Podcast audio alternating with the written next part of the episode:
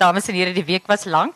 En ons eindig op 'n minder formele noot want daar's 'n bietjie chaos hierso. Dis hoekom ons bietjie laat begin het en so, maar ek dink dit gaan eintlik verskriklik lekker wees. Ehm um, die chaos is omdat daar verskeie mense is wat nie kan deelneem nie. Voordat ek begin, wil ek net vir julle dankie sê dat julle hier is en welkom. Ek hoop julle geniet dit saam met ons en die vier dames op die verhoog. Ehm um, my nota sê daar's twee veranderings in die program, maar daar is intussen meer. Maud van Howard, die Belgiese gedigter kan ongelukkig nie hier wees nie. En Petra Miller sou voorlees, sy is ongesteld. Ons is gelukkig genoeg om die wonderlike Margot Luit te hê om in haar plek voor te lees. En ons is baie bly dat sy op absoluut laaste oomblik kennisgewing dapper genoeg was om dit te doen. Ehm um, baie dankie. Dan ehm saam met Joan op die ag saam met uh Margo op die program is Joan Hambidge wat er nou instaan ook sou ingestaan het vir vir Petra. En sy is nou sommer hier op haar op haar eie op haar eie stoom. En uh, soos verlede jaar 'n groot feature op die program. Lina Spies. En dan sit hier iemand wat nie 'n digter is nie, Christine Canary wat by NB Uitgewers werk. Sy werk aan Iemand in Rousseau en Quella se boeke. Sy staan in vir Ronel. Ronel het ons nou laat weet dat sy 'n ongelooflike vervoerprobleem opgedoen het en hier kan wees nie. En dit is waaroor al hierdie geskarrel was. En dis hoekom ons 5 minute laat begin het.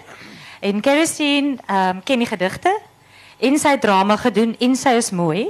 Dus het ek gesê Kerstien kom lees. Sien jy kans verlees en sy sy Kerstien sê nooit nee nie. So daar is sy.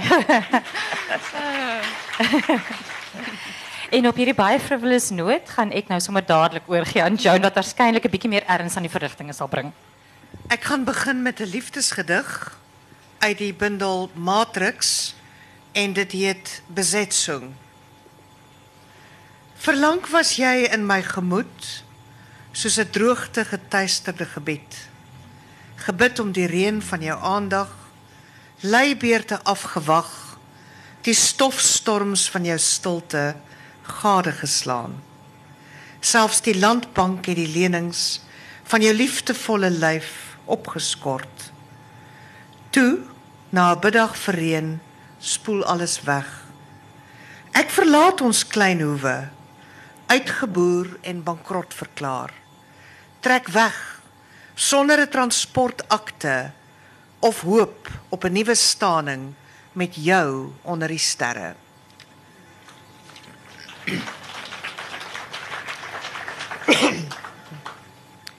Ek is 'n ywerige reisiger soos julle waarskynlik weet en ek was 'n paar jaar gelede in Venesië en ek het die volgende gedig geskryf nadat ek by die Vivaldi museum verbygeloop het. Vivaldi Be tranquil in your wounds, Wallace Stevens.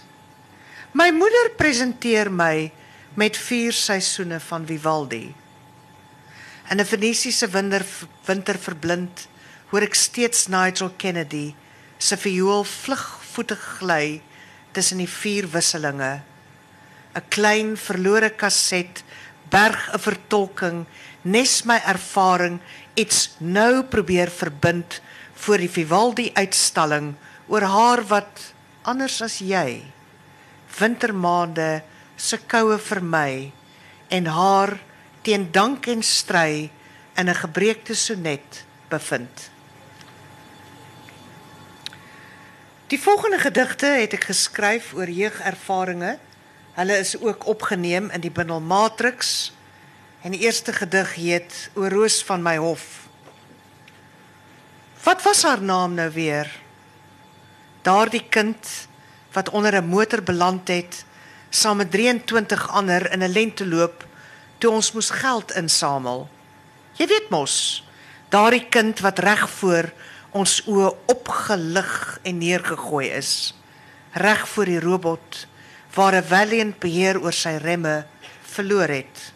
Malus, Mala, Malum Alles het in slow motion gebeur met skoene so swaarde deur die lug. Die een onder 'n val kombers met haar voet na binne gedraai. Ons almal by haar begrafnis. Wat 'n vriend het ons in Jesus.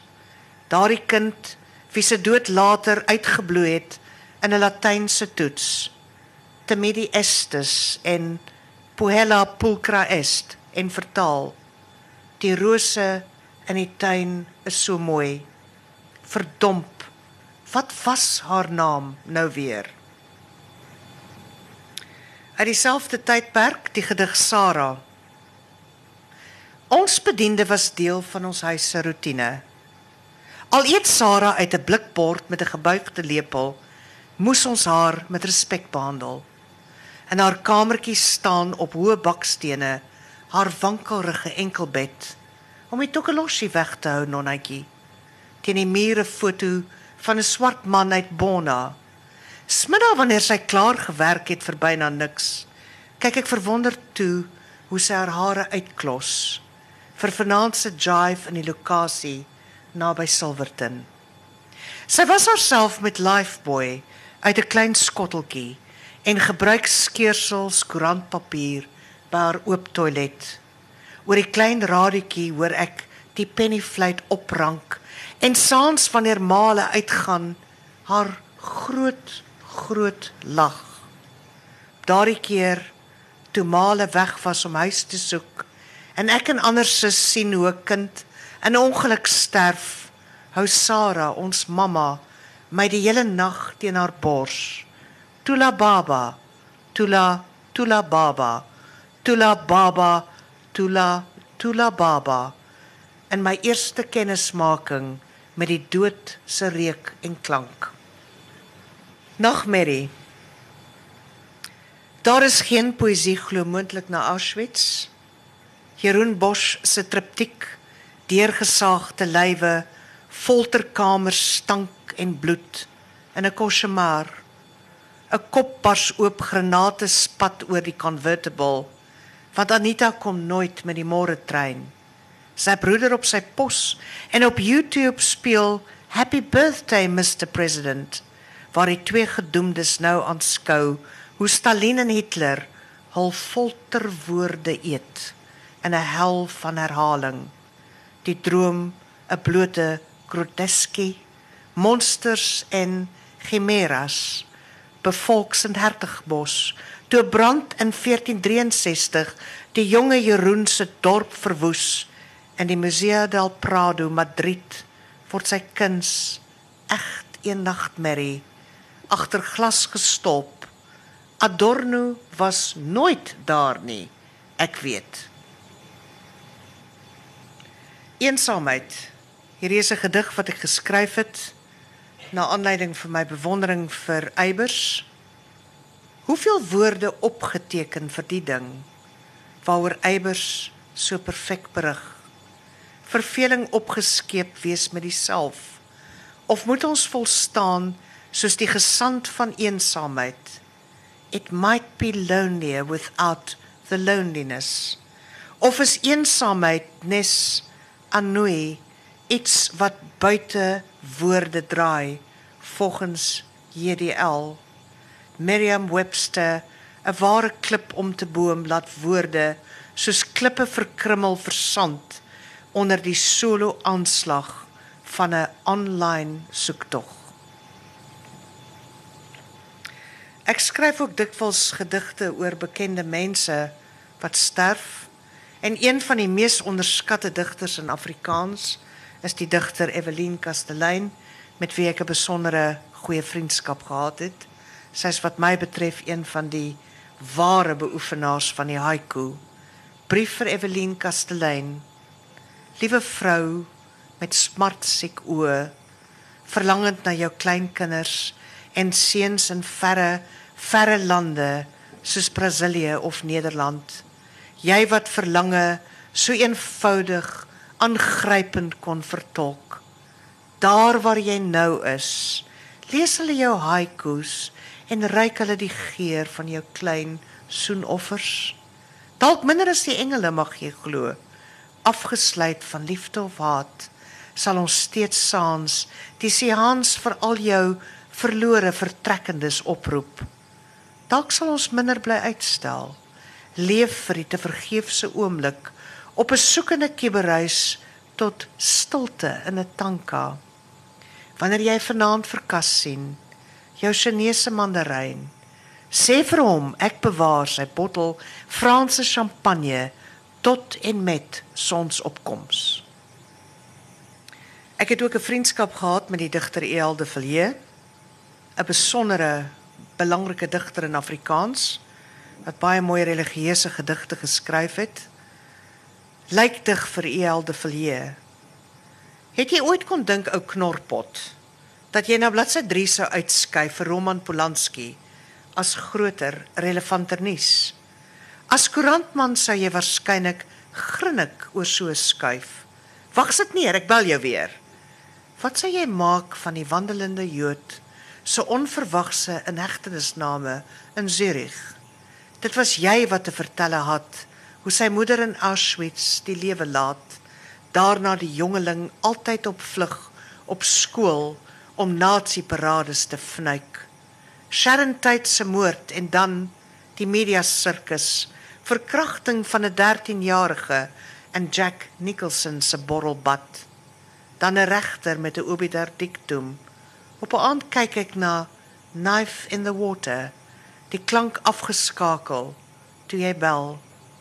Boots lewe die kuns hier na of gebeur dit dalk alles andersom? Raak ons moeg gesluk aan lewenswalging of stik ons aan blote verontwaardiging. Jy koerantman en digter sou anders beslis, sowel vir vreemdeling as verskoppeling.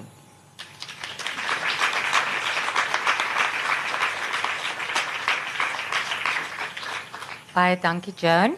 Joan het voorgelees uit Matrix wat haar 25ste bundel is. Het ek hierdie keer reg getel? Ek kan nie tel nie. Okay, ek wel ek ook obviously nie, maar uh, ja. Um, en die bundel is hier buite te koop.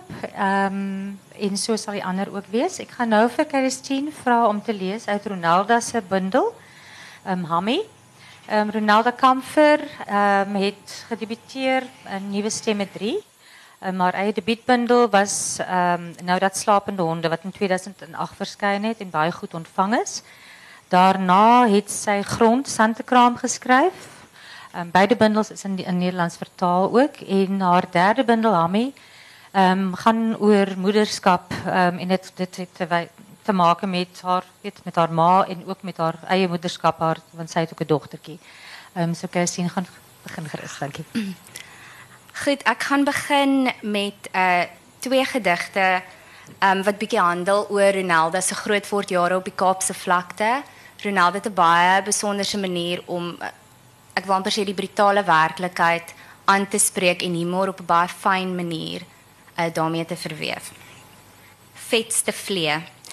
Daar's 'n nuwe breed van vintage wearing brain meisies wat eers hulle hare stryd gesool en Engels gepraat het, wat Foschini accounts gehad het en net first class gery het. Die type wat boyfriends gehad het toe hulle nog bucks was. Die type wat offended geraak het as ek iets verkeerd scan agter die til by kliks. Die type wat die light skin gene in die family gehou het. Die type wat die mooiste meisie in die township was. Die type wat mooi was vir colored mense. Die type wat geglo het 'n pair in Europe is 'n title. Die type wat met ou unattractive wit mans getrou het, want ambition het 'n bank account en dit moet altyd vol bly. Totdat die millennials online gegaan het en almal hulle GHDs en sheen straighteners retire het en hulle wy terug ghetto toe gekoop het Hulle Johnny Depp's replace it met Idris Elba's, Michelle Obama, Lupita Nyong'o en Grace Jones hulle Women of Strength gemaak het. Almal ken 'n Alice Walker quote. Luister hulle Jill Scott en support hulle consciousness movements. Hulle is on trend, hulle is Instagram feminists. Hulle protest in hulle blogs, hulle gebruik woorde soos booty fierce en pro-choice. Hulle deconstruct elke American TV series en hulle is amper altyd kakdom. As hulle onder my vel inkruip, onthou ek my ma se woorde. Na een van hulle eendag vir my laat huil het omdat ek nie mooi was nie. Daai teefies is so spaddes in die in die reën. Hop van blaar tot blaar al nader aan die nuutste bolstront, want daai is waar die vetste vlee uithou. Scream. Toe ek jonger was, was daar 'n deel van my wat gewens het ek was a child of divorced parents. Somehow het my ouers se marriage my laat voel soos 'n wit vrou in 'n slasher film. Sy hardloop altyd upstairs waar sy naturally doodgemaak word deur 'n emo kind in 'n bad mask. Maar my parents was into the speak now and forever hold your pieces together, want in 'n community van middle-aged virgins was ordentlikheid alles. Dan wil ek graag net 'n paar van haar korter ehm um, gedigte lees wat besonder sterk is en hoe dit 'n mens aanraak en dit is vir my besonder dat sy so ehm um, met so min woorde so baie kan sê. Vir die voels. Ek het bloed op my hande van al die vredes wat ek bewaar. Ek het al jare weggelieg om op te maak vir verlore tyd. Maar mens kan net soveel keer jouself uitbrand en oorbegin. Kinderruimpie. Mens kan net iemand vir wie jy lief is seermaak. Die res is self-mutilation. Na waters waar is is. Om te huil terwyl jy hartseer is, is om 'n vuur dood te maak. Om te dans terwyl jy tot sien sê, is om te keer dat jy saamgaan. Om te drink terwyl jy dronk is, is om te bid. Om te vloek terwyl jy kwaad is, is om kort paaie uit te rek. Om te beklei terwyl jy bang is, is om antwoorde in die Bybel te soek. Om te lag terwyl jy in pyn is, is soos om in 'n lae tyd te slaap. En dan natuurlik omdat hierdie bundel handel oor ma wees en oor Ronaldo se verhouding met haar ma en ook haar ouma en die verhoudings tussen die vrouens in hulle familie en ook in die brein gemeenskap. Natuurlik 'n paar gedigte wat daarna verwys begin met die eerste een wat handel oor 'n uh, Ronaldo in die hospitaal en dit ehm um, die gedig se titel is Nathan en soos julle weet is Ronaldo Kamfer getroud met die digter Nathan Trantraal. Nathan Ek sit en wag in die ICU langs my ma se bed. My ma gaan dood. My ma is dood. Nathan het 'n sang op my foon gesit wat hy insist ek moet luister sodra ek by die hospitaal kom. Tannie Mago en Liesel SMS elke paar minute. Hulle wil nie wag vir die oproep nie. Hulle wil daar wees. Hulle wil alself in my kop sit om te keer dat ek my kop verloor. Die verpleegster kom en vra of sy gou my ma kan gemaklik maak. Ek gaan lê op 'n bank in die wagkamer, sit my earphones in en begin Nathan se sang luister. In the still of the night in the world's ancient light. Ek voel asof die klank in die wêreld sag gedraai is. By die einde van die sang wag ek nie meer vir die dood nie. Ek wag vir hom om langs my te kom staan. Vandag was veronderstel om 'n boring dag te wees. Ek en my ma was van plan om my baba klere uit die leiba uit te gaan haal. Ma. Na my ma se dood het net die klein dinge verander. Eers het die hekke afgeval, die gras het dood gegaan, die plante het ophou groei Die vensterbanke het wit geword. Ek en my suster maak elke dag kombuis skoon, maar dit bly vuil. My suster se seentjie van 2 se tande het begin vrot raak. My pa probeer hard 'n goeie ma wees. Hy koop gereeld 'n klomp groente, maar niemand maak kos nie. Ek dra my ma se trouringe, maar dit maak my vingers seer. Troupanne. Vandag was hier nie kos nie. Seymour het nie gevra om hier te wees nie. Nathan sit met sy pa se skuld. Ek wil nie meer kind of colored middle class, kind of plaas, kind of ghetto wees nie. Ek wil verskoning maak dat ek nog altyd in 'n huis gebly het en dat my Afrikaans suiwer is. Ek wil nie sentimental wees nie en vir niemand wys dat ek my ma se hande voel wanneer ek na die ringe kyk nie. Om te rou is om te vervel en ek wil nog 'n rukkie in die dooie dop sit maar ek het 'n kind, ek is 'n ma en sy moet eet. Onrus. Ek hoop sy rus, nie in vrede nie. Ek hoop sy haat waar sy is. Seymour. Die nag wat my ma dood is, het ek en Allison elke paar minute gaan opcheck. Sy het gehoop vir 'n miracle. Ek het gehoop om vir ewig langs haar bed te sit. Die ventilator het my ma se bors laat beweeg soos 'n vis buite water. Haar hare was gryser as gewoonlik en ek het vir die eerste keer besef sy was 59. Ek kon nie besluit of dit oud genoeg was om dood te gaan nie. Haar vel het so tee met baie melk ingelyk, maar haar vingerpunte was pers. Ek het die nag toe my ma in die hospitaal alleen in koma ingaan wakker geskrik en vir Nathan gesê my ma's dood. Die oggend toe ek in die ICU instap, het ek gehuil, op haar knieë geval en gehuil. Ek het vir myself gesê soos mens mos sê as iemand doodgaan. Sy is na 'n beter plek en ek het dit geglo totdat die suster my kom troos het en vir my fluister jou mamma is op 'n beter plek. Toe sê ek nee suster, my ma is op die worst possible plek waar 'n mens kan wees. Torring. Toe ek klein was, kon ek nie verstaan hoekom my ma so 'n stil vrou was nie. As ek en sy alleen by die huis was, het dit gevoel asof ons mekaar nie sien nie. Ek kon vir ure voor die TV lê, uitgestrek op die bank en sy langs my op die stoel. Dan sal sy randomly sê, "Maak 'n bietjie tee." Dan gly ek van die bank af, sleep my voete kom bys toe, maak vir haar 'n koppie Five Roses en val dan en val dan weer op die bank neer. Jare later, toe ek baie ouer was, was ons twee weer alleen by die huis. Sy het sit en naaldwerk doen op die stoel Ek moes die soem van 'n gordyn losstorring. Toe staan ek op van die bank af en sit by haar voete op die grond met my bene gekruis en kyk TV. Die voorkamer was helder van son, van die son en gordyne het op die vloer gelê. Terwyl ek so sit en torring, druk sy haar voet teen my rug en sê: "Om te dink jy was so klein toe jy gebore was, jy was amper dood." Ek het haar net so geloer uit die hoek van my oog en geantwoord: "Moenie boring wees, Jamie." En verder getorring.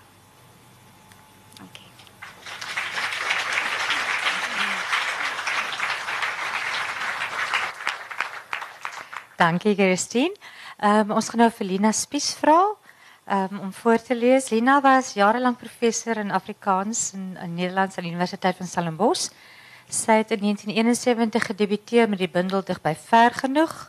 Um, en sy het die Eugène Marie en Ingrid Jonker daarvoor gewen. En um, dis kan die eindes is haar agste bundel wat in 20, 2004 verskyn. En daarna, een paar jaar geleden, vijf jaar geleden, het die skyn van thuiskomst, wat een keur uit haar werk is, die Johan de Lange verskyn. Ik denk het is ook nogal belangrijk om te zeggen dat Lina Spies um, die dagboek van Anne Frank in Afrikaans vertaal het, met die titel, dit het hier verskyn met die titel het Die Achterhuis. Um, en sy het de academieprijs daarvoor ontvang. Maar nou is ons terug bij haar poëzie. Dankie Lina. Ek wil net seker maar hoe hy werk. Dis 'n wonderlike mikrofoon want ek is bang vir mikrofone. Hulle dikwels 'n tweede klank. Ek is uh baie dankie Marga. Uh ek het daarna weer 'n digbundel uh, gepubliseer. Ek het 'n bietjie ontrou geword aan julle en ek wil net dadelik sê ek het baie gedink oor wat ek vandag gaan lees. En ek het besluit om uit 'n manuskrip te lees wat nog nie gepubliseer is nie.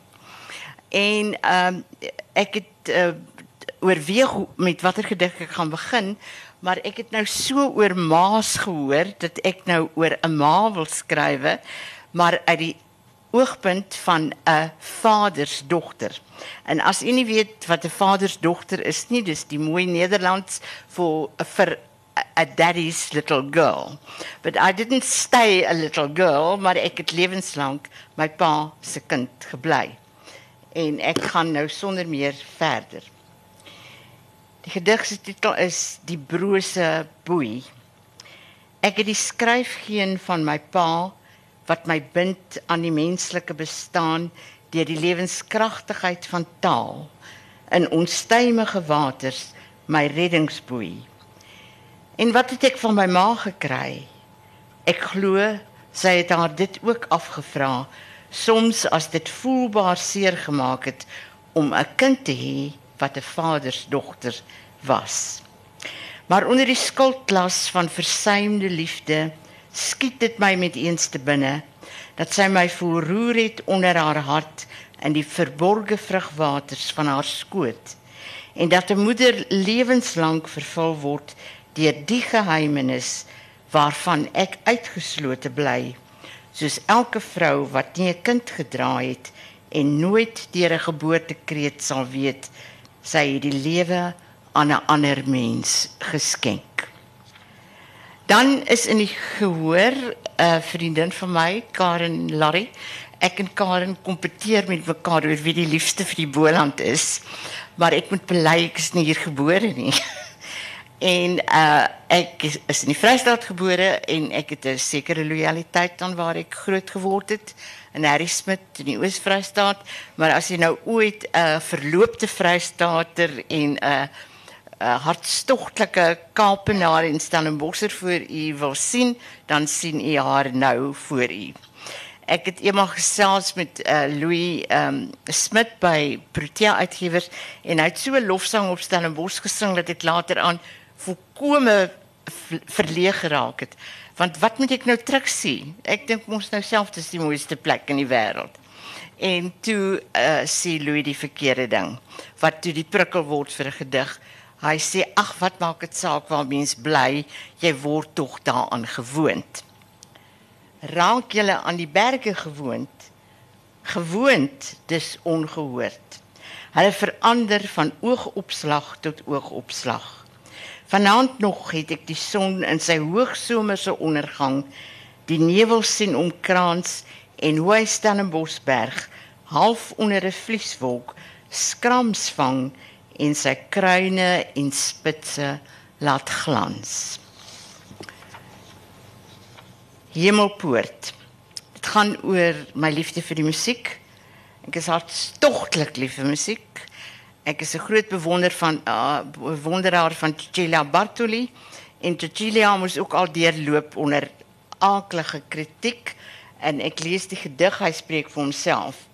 Ek haal aan uit 'n biografie oor Cecilia waar in wat in Engels verskyn het waarin sy sê op 'n vraag van uh die skrywers stop singing Mozart. He is an angel from paradise Wolfgang Amadeus Mozart is my toegang tot die hemel en by die poort sing Cecilia Bartoli my in maar haar instrument getrou bly fittery haar nie gespaar nie Haar stem is te klein. Sy is gevange in die 18de eeu. Sy moet ophou om Mozart te sing. Haar wyse antwoord bewaar ek in my hart. My stem is wat dit is. Ek kan niks daaraan doen nie. En die Padre Eterna het my bedoel vir die 18de eeu. Dit is waarvoor ek hier is. En ophou om Mozart te sing. Mozart is 'n engel uit die paradys. Hou aan om Mozart te sing, Cecilia. So gun jy my 'n kykie in die hemel. Elke voël sing immer soos hy gebek is tot eer van die ewige Vader.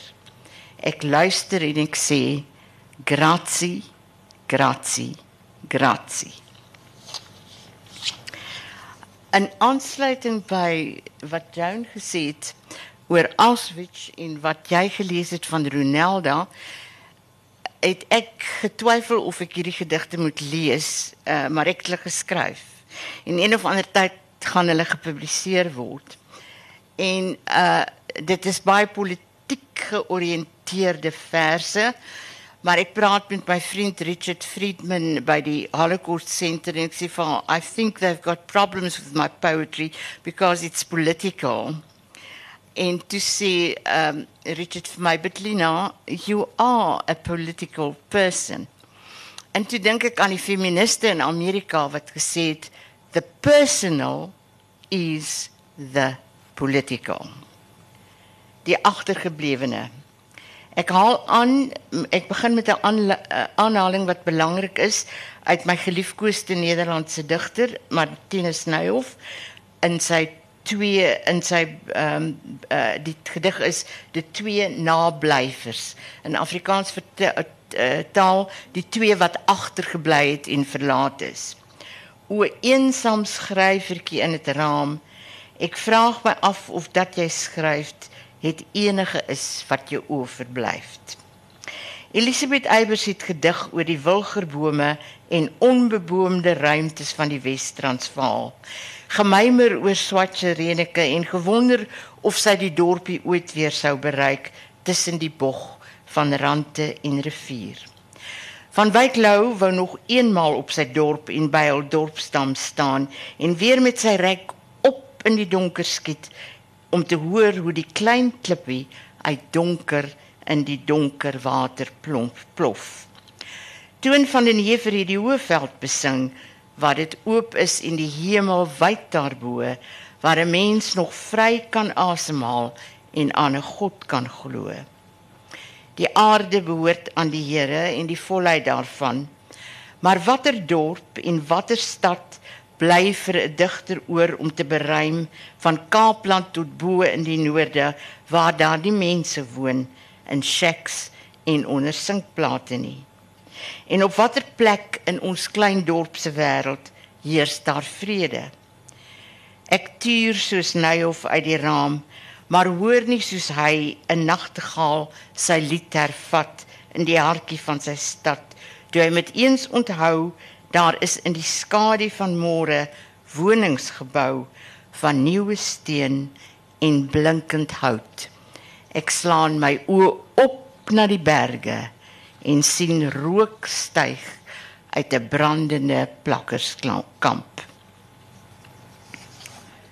Hond en Gracie. Nou na die brand weet ek eers dit word kreefgat genoem. Die leegte waarin ek haar na die opruim van my huis soms teruggeneem het en waar ek nie wou sien hoe mense leef vlak teenoor Laclemans die oord verwelgesteldes om rustig en oud te word en vredig in te sterf. Maar ek het geweet van hond, die swerfbrak wat naamloos gebly het, maar soos Gracie, die geliefde kat, gevoed is uit 'n karige leeftog en die oorvloed van 'n jammer hart. Hond en Gracie het saam gelewe en toe die vlamme begin lek, saam onder 'n bed gaan skuil. Hond en Gracie het saam gesnik en gesnak na lig, maar die genade van God het uitgebly. Hond en Gracie het saam gesterwe in die skadu van Helderberg. Volgende gedig is vir Adam Small. En dis opgedra aan vir Adam Small, digter van Gitaar my kruis en ek het weer eens uh vir uh Nyhof aangehaal myn woorden stygend singen sig los van 'n betekenissen. Ek is so dankbaar dat jy die Kaaps van Ronelde gelees het want dit is deel van my eie gedig. Ek is nie so belaglik om te probeer in Kaap skryf nie. Ons weet wat dit is, die vervlietende. Ek moet net nog een ding sê. Uh dames en here, uh die Ou Testament is in my lewe baie belangrik. Sonder die Ou Testament, so kan ek julle daaraan herinner, sou ons nooit 'n Nuwe Testament gehad het nie. En dan wil ek net byvoeg 40 in die Ou Testament beteken nie 40 nie. Uh Elia het nie 40 dae en 40 nagte na Horeb gestap nie. Dit het nie 40 dae en 40 nagte gereën nie.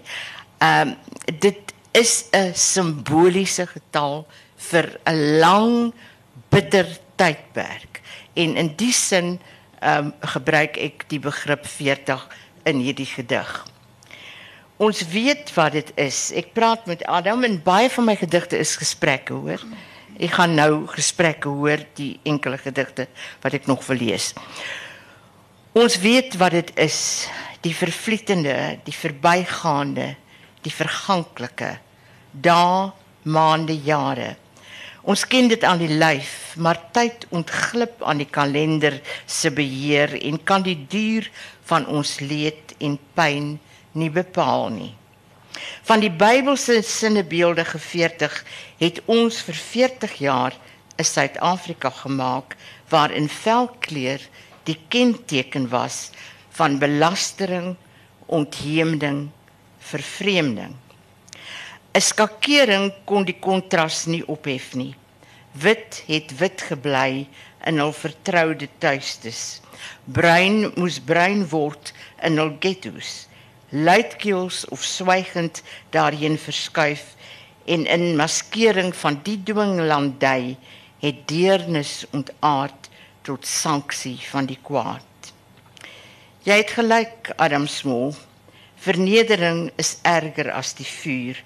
Al het jy God gedank in 'n onlangse gedig vir Olga Kirsch dat die krematorium en die wit kalk jou gespaar gebly het. Seermaak woorde wat eenmaal mooi woorde was, het jy in jou Kaaps losgesing van hul betekenisse en jou mense van die smaad bevry. Maar Adam, nou dat krete weer dreig om dikrete van skeiding te word, hoe lank die 40 jaar wat ons koersloos dwaal? Vir hoeveel sterfes, sterftes van wie die kruis dra van ons moedertaal in die woestyn. Waar is Moses Adam? Waar is die tent van samekoms? In wie se hand is die gitaar? En toeval, beskikking, geluk, noodlot, digterskap. Ek is by Randall Wickham se uitvaartsdiens. En ek ehm um, het 'n ontroering ervaar wat ek nie in woorde kon sê nie behalwe dat dit skielik daar gestaan het as 'n gedig. En toe ek my gedigte nou bymekaar sit, toe sien ek ek hoef nie op hierdie donker note eindig van waar is Moses en waar is die uh, in wie se hand is 'n gitaar nie. Die gedig spreek vir homself. Die man met die gitaar, Randall Charles Wickham, 1949-2015 vir Amos van der Merwe skrywer van Randall se verhaal.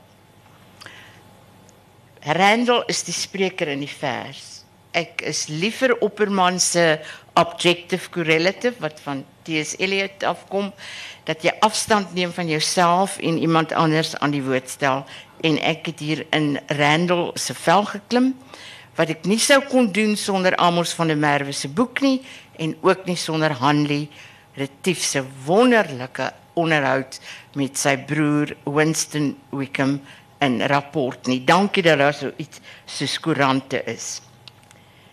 My lied kan nou maar afsluit met Here, dis ek, Randall Charles Wickham. Nes u my gemaak het, tekortkominge, kleur en al. Dit was jou laaste woorde toe jy gestaan het op heilige grond by die grens tussen lewe en dood. Maar vanaf jou prul begin het jy aan grense gelewe.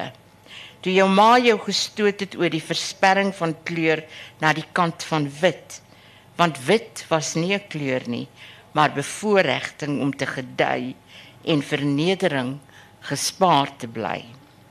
Sy jou ma het onontwrig gebly in die dryfstand van jou lewe. Jou boetie Winston, die brein ouetjie, moes die kas in as daar gaste kom. Want sê nou, hulle sien.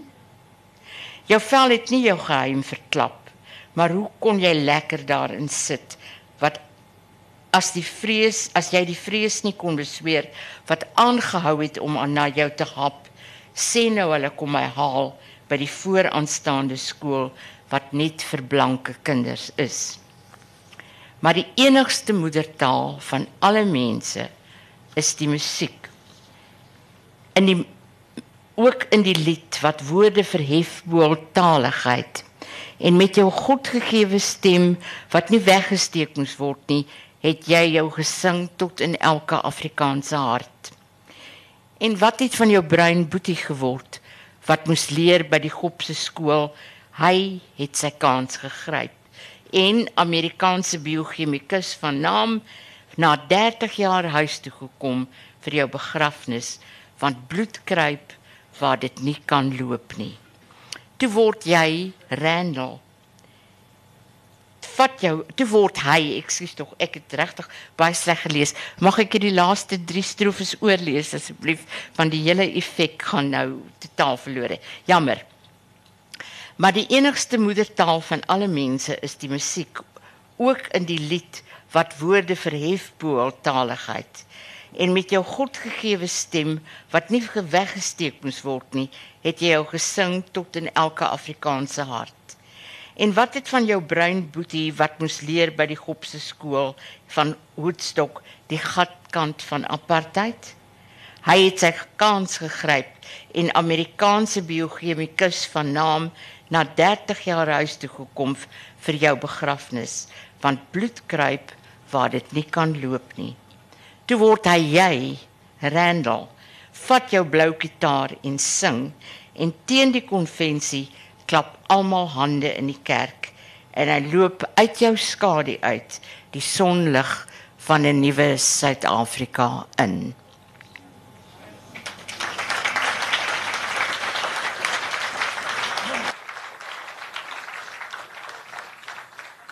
Baie dankie Lina. En ek gaan nou sommer net vir Marga vra om te begin. Petra Müller se gedigte. Um, en jy lees sien ek uit om die gedagte van Geel, haar jongste bundel. Goeienaand. Ehm um, ek lees nie goed nie. Ek lees nie goed nie. En dit is basies nou bladlees die, so wees my genadig. Joan Hambidge, Bly jy het stil. jou beurt gehad.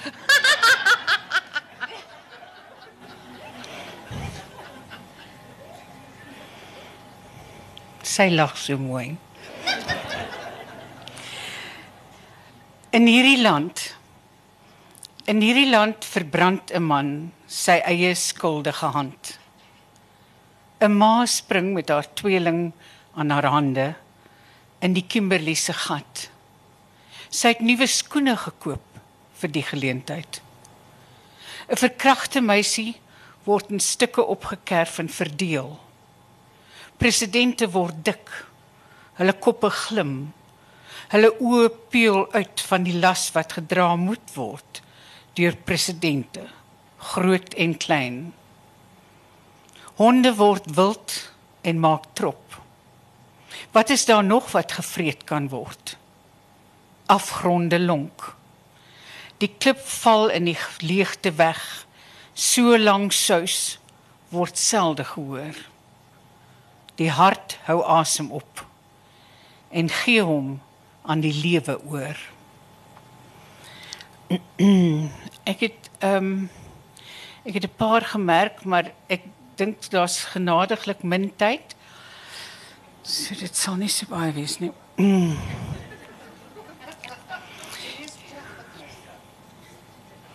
Hier is een wat sy genoem het kruieveld. Stinkkruid is geel in die lente. Miskien is die lente stinkkruid en ou sweet. Saans as ek skoene uittrek en sokkies stroop, sit ek stil en ek ruik na stinkkruid en sweet en grond. Nou weet ek ek het heeldag in jou geloop en gesond geword. Sy het in die Oeverberg groot geword. Ehm um, wat wat julle miskien weet en en hulle was sewe kinders en van daardie sewe ehm um, telefoonpale wat sy op die buiteblad het. Nou was meer kinders, 13 kinders dink ek. Die volgende gedig noem sy gedig vir myself. En wat van die kaste vol ou kleure? En al daardie lange jarelange ongebruikte gebede vir jou wat nog iewers in die ruimte hang soos lig onderweg van baie ver sterre. Hoe dun het jou vel nie geword nie? Soos papier. Sy was baie lief vir die man van haar agter 'n drywende son aan En soms het ek stroom op verdwaal.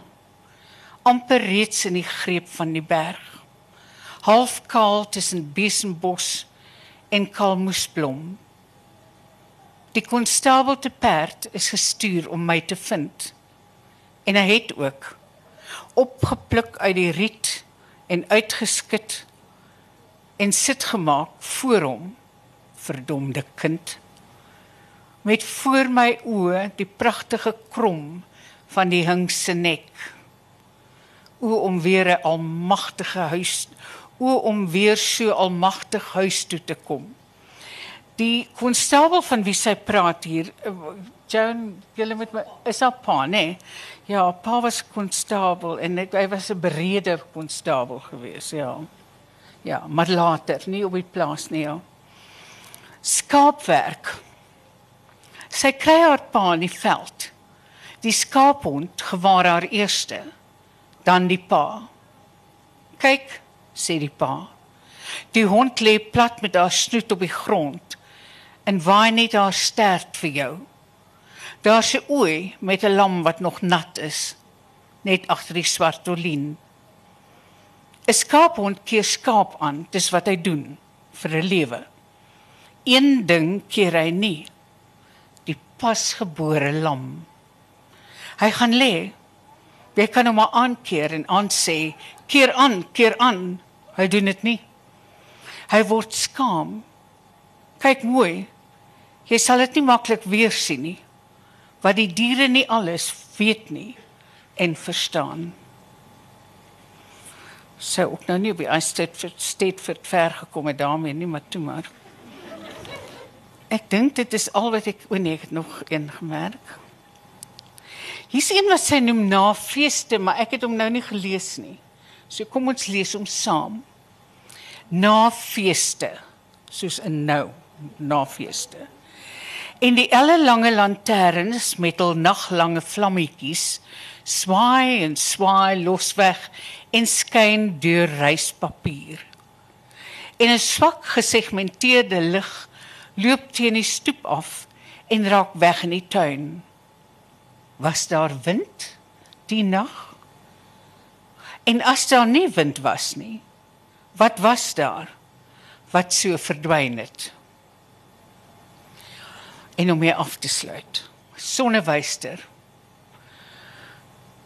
Ons het heeldag op die boodskap gewag. So sonnewysters op die son. Daar's net ure tussen ons. Het hy gesê, het jy gesê toe jy vertrek. Soos al die ander wagtendes op aarde, het ek net 'n paar uur na die son se weggaan op my rug gaan lê en wag dat nag sy weg vind oggend toe. Ons moet 'n golf wees wat van ver lyk soos die goue graan van Farao. Dis wat buig voor wat sal kom. Dit was 'n mooi gesang wat ons gesing het toe ons kinders was en min geweet het van die uittog uit Egipte. Baie dankie.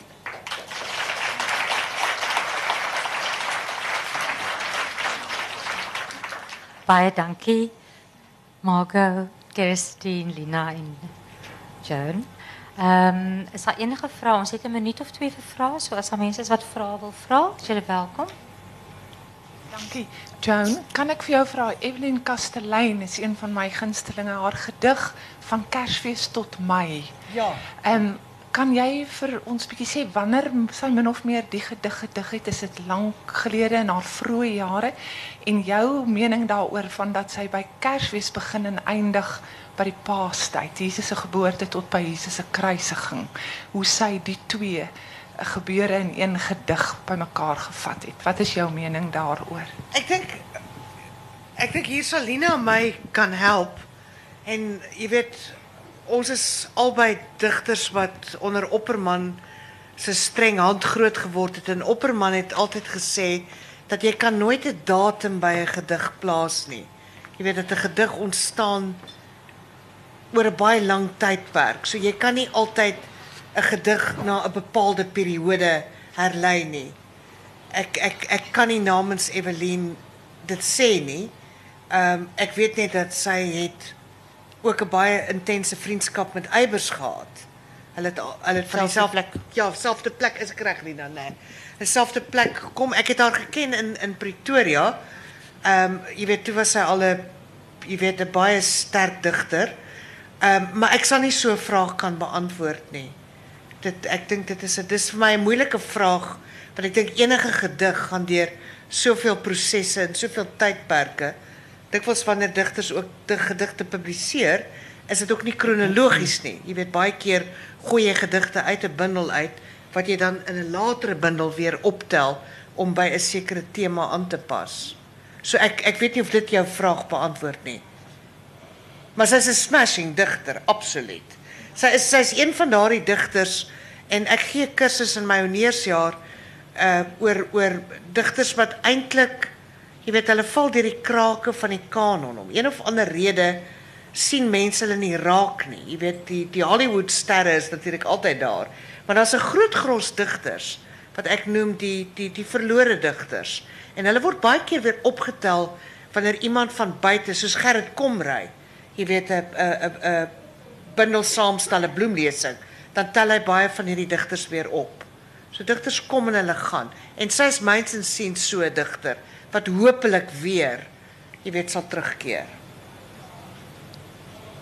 Maar hoe kan ek iets sê? Asseblief. Nou aanleiding van Ronaldo, ehm um, se gedig hier. Ek gebruik dikwels Ronaldo se werk in my program Vers en Klank. Dis op RSG as jy gewonder het. Ehm um, en en die een gedig wat sy ges, wat sy geskryf het oor haar ma se dood of daar's twee van hulle maar is aangrypende gedigte. En elke keer wanneer ik dit gebruik, dan is mijn e my e-pos vol die volgende dag. En allemaal wil weten waar kan hulle almal vra vir kan ek die gedig vir hulle en natuurlik kan ek dit nie stuur nie. Dit behoort aan iemand, dit behoort nie aan my nie. So ehm um, en ek is bundels is hier buite as jy hulle belangstel. Maar die een ding wat sy sê in die bind, in die wat ehm um, so ontstellend is, is sy sê Wanneer 'n ma doodgaan, is daar 'n gat in die maan. Ja. My beskeie mening, ja. Bydra. En op daardie noot dink ek eindig ons baie dankie almal.